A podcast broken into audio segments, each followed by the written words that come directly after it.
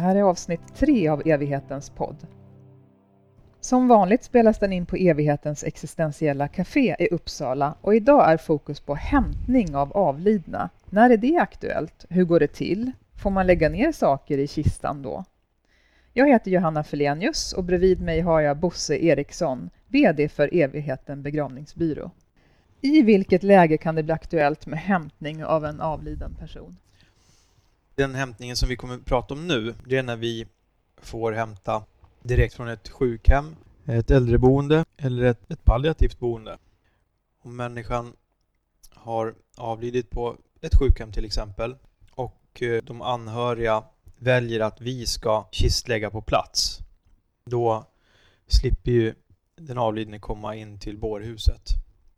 oftast är det någon som avlider på ett äldreboende, ett sjukhem eller på ett palliativt boende så, så är ju sjukdomsbilden klar och det behövs inte köras till, till patologen då. För vad händer på patologen? På patologen skrivs man in och sen så ligger man där x antal dagar och det är inte speciellt ofta som det är obduktion nu för tiden. Så att man förvaras där tills begravningsbyrån kommer och hämtar på en bår. Ligger man då på patologen. Och eh, om vi gör hämtningen direkt på sjukhemmet så kommer vi med kistan direkt dit och kistlägger. Och det är väl kontrollen man vill lämna över till de anhöriga. Att de ska känna att de har kontrollen. För i samband med att vi kistlägger så är ju de flesta med och då vet man precis hur, hur den avlidne ser ut. Man är med om något väldigt, väldigt fint. Vad är det som gör att du tycker att det är så viktigt att eh, de anhöriga känner att det är deras döda och inte sjukhusets eller något sjukhem eller äldreboendet eller så? Det är ju deras pappa till exempel, eller deras mamma eller deras mormor. Och liksom att ha den sista bilden av att personen ändå har det bra i kistan. Vi relaterar till väldigt mycket när det gäller det fysiska, hur, hur vi ser ut.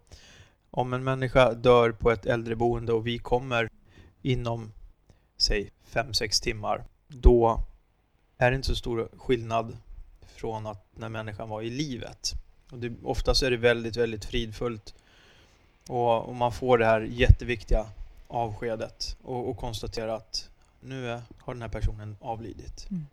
Och, och våran hjärna, den är ju specialist på att dra upp olika scenarion som, som oftast hjärnan föreställer sig så mycket, mycket hemskare än vad det i verkligheten är. Okej, så en anhörig kontaktar evigheten, till exempel, på journumret och säger att eh, nu har pappa gått bort eller dött och vi är på ett äldreboende någonstans. Vad händer?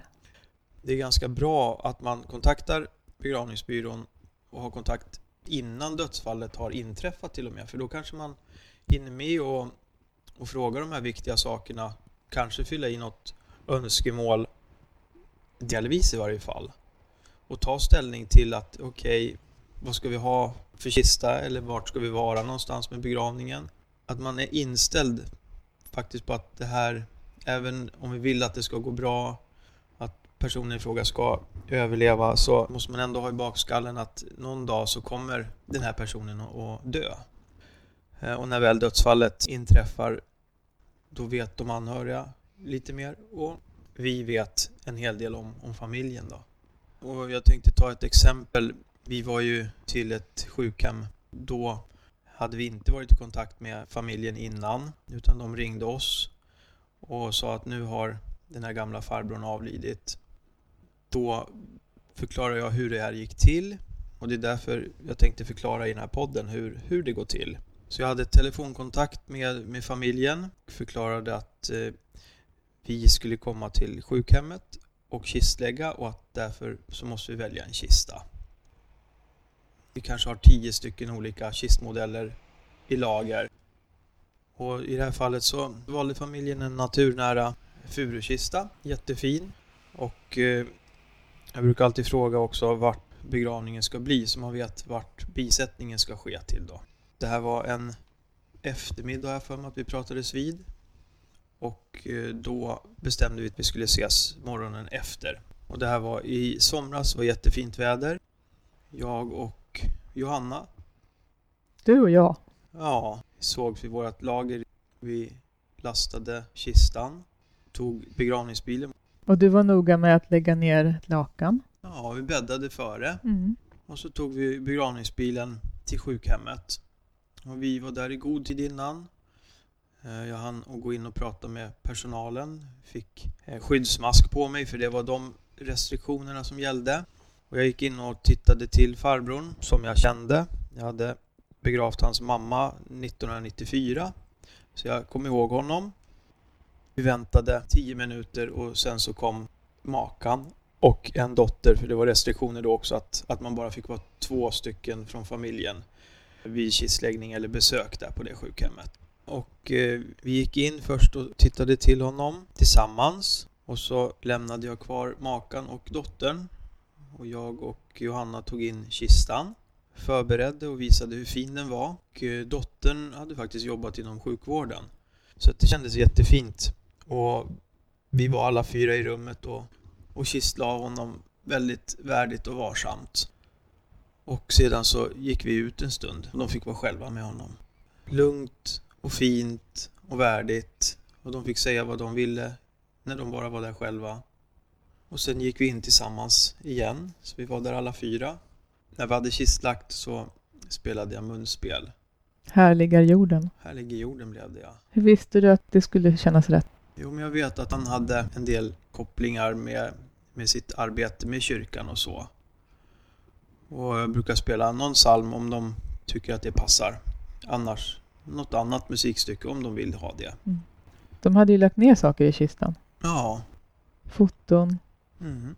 Lite inte. blommor va? Blommor kanske, ja. Mm. Vad får man inte lägga ner i en kista? Glasgrejer är inte så bra om det är kremation för då smälter det i ugnen och så är det jättesvårt att få bort det därifrån. Och explosiva saker är kanske inte heller så bra. Metall? Det är inga problem Mm. faktiskt. Åter till våran gemensamma kistläggning som vi hade. När de anhöriga tyckte att ja, men nu, nu har vi fått lyssna på munspelet och jag bad en bön också. Vi hjälptes ju åt att ta ut kistan till begravningsbilen. Vi hjälptes åt att lyfta in den i begravningsbilen. Jag vet att jag skrev hans namn också på kistan med en guldpenna i fin stil. Jag frågade dem om de ville att det skulle vara hans tilltalsnamn eller hans smeknamn och de valde hans smeknamn. När vi hade ställt in kistan i begravningsbilen så åkte vi till bisättningslokalen. Att ställa någonting bi, det är ju att ställa någonting tills vidare åt sidan. Så att bisättningslokal är egentligen ett förvaringsutrymme som kyrkan har där man ställer kistan tills begravningen. Då. Vad tänker att det kan betyda för de anhöriga att veta var deras avlidna är någonstans? Jätte, jätteviktigt. De vet hur han såg ut i kistan. De vet att vi hjälptes åt att ställa in kistan i begravningsbilen. Och de visste att vi skulle åka direkt till kyrkans bisättningslokal och att han kom dit på en gång. Mm. Han behövde inte köras 4-5 mil i onödan till ett sjukhus för att ligga där på en bår. Och han behövde inte föras tillbaka 4-5 mil till den orten där han ändå skulle begravas. Kontrollen är också en trygghet. För att kunna göra en sån här hämtning så behöver de anhöriga ha bestämt kista. Behöver de också ha bestämt var begravningen ska ske? Det underlättar, men det går att lösa. Ni är alltid två, eller vi är alltid två från evigheten som hämtar avlidna personer. Och det är någonting du gärna framhåller. På vad sätt är det viktigt för dig? Jag tycker det är en jätte, jätteviktig del. Och det tycker jag också som anhörig ska man kanske gå in mera på den begravningsbyrå man väljer. Hur går kistläggningen till? Ta gärna upp det med begravningsbyrån som anlitas. Vet man namnet på den som kommer att svepa min gamla mormor? Och se till att man, att man har så mycket information som, som möjligt. För man har rätt att fråga. Ja, Och kräva det finns svar. inga dumma frågor. Eh, Alla frågor som man har ska ju ställas. Svenska kyrkan är generellt sett huvudman för begravningar i Sverige utanför Stockholms stad och vad är det, Tranås? Ja, Men om man inte vet om den döda var med i Svenska kyrkan då? Vad, vad har det för betydelse för den här hämtningen? det har ingen betydelse alls. Vad brukar folk lägga ner i kistan? Fotografier, eh, blommor eller något annat från naturen. Ehm, det kan vara teckningar ifrån barnbarn. Cigarettpaket har också förekommit. Flaggor på till exempel någon idrottsförening som har stått nära. Eller att man kanske till och med klär på den avlidne i någon favoritidrottslag, dess kläder då. Att på det här viset nu under coronapandemin kunna avlasta landets sjukhus, vad tänker du att det betyder? Vi var ju väldigt ensamma om att, att kunna göra det här och det kändes som att vi ändå hjälpte till för att det var ju väldigt kaotiskt när det dog så många i covid-19. Att låta dem slippa åka in till sjukhuset utan då visste ju verkligen de anhöriga att ja, så här ser den ut och den kommer köras direkt till, till bisättningen. Som under pandemin så, så blev ju kylrummen överfulla på sjukhusen och det upprättades temporära kylrum. I stort sett alla som dog lades ju i en bodybag för säkerhets skull så att det inte var covid-smitta. Då. När vi spelar in det här så är det höst och eh, du säger var, men det är väl fortfarande så? Man tycker att det borde vara enhetligt över hela Sverige, men så är det inte som vi vet. Eh, utan kommunerna kan bestämma lite som de vill och det är precis samma sak med regionerna. De kan bestämma lite som de vill. En del sjukhus var jättenoga att alla ska läggas i bodybag. Och vissa har bara gjort det med där man har fått en, en bekräftelse på att covid-smitta har funnits. Men det är som sagt upp till sjukhusen att bestämma vart man lägger ribban. Hur har det påverkat anhöriga till en person som har dött av covid-19 eller i alla fall som har haft det vid dödsfallet? Att då kommer vi liksom längre ifrån automatiskt. Mm.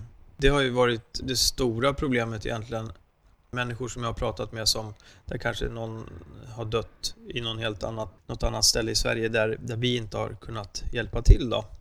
Man har inte fått komma in och säga adjö till den som avlidit och familjemedlemmarna har inte kunnat vara där kanske på ett par, tre månader.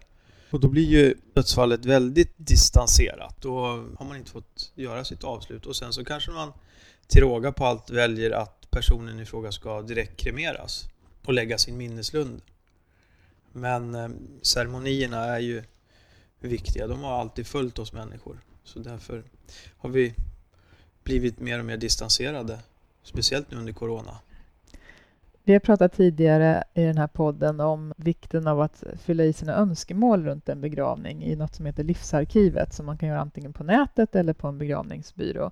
Men kan man skriva någonting där om hur man vill att en eventuell hämtning ska gå till? Kan man till exempel önska att om det händer och mina anhöriga är där så vill jag höra den här, den här sången. Ja, självklart. Det är jätteviktigt. Om det ska vara kistläggning så tycker jag att man ska skriva det tydligt och bra att om det inte är obduktion så vill jag gärna bli hämtad där jag avlider och kistlagd.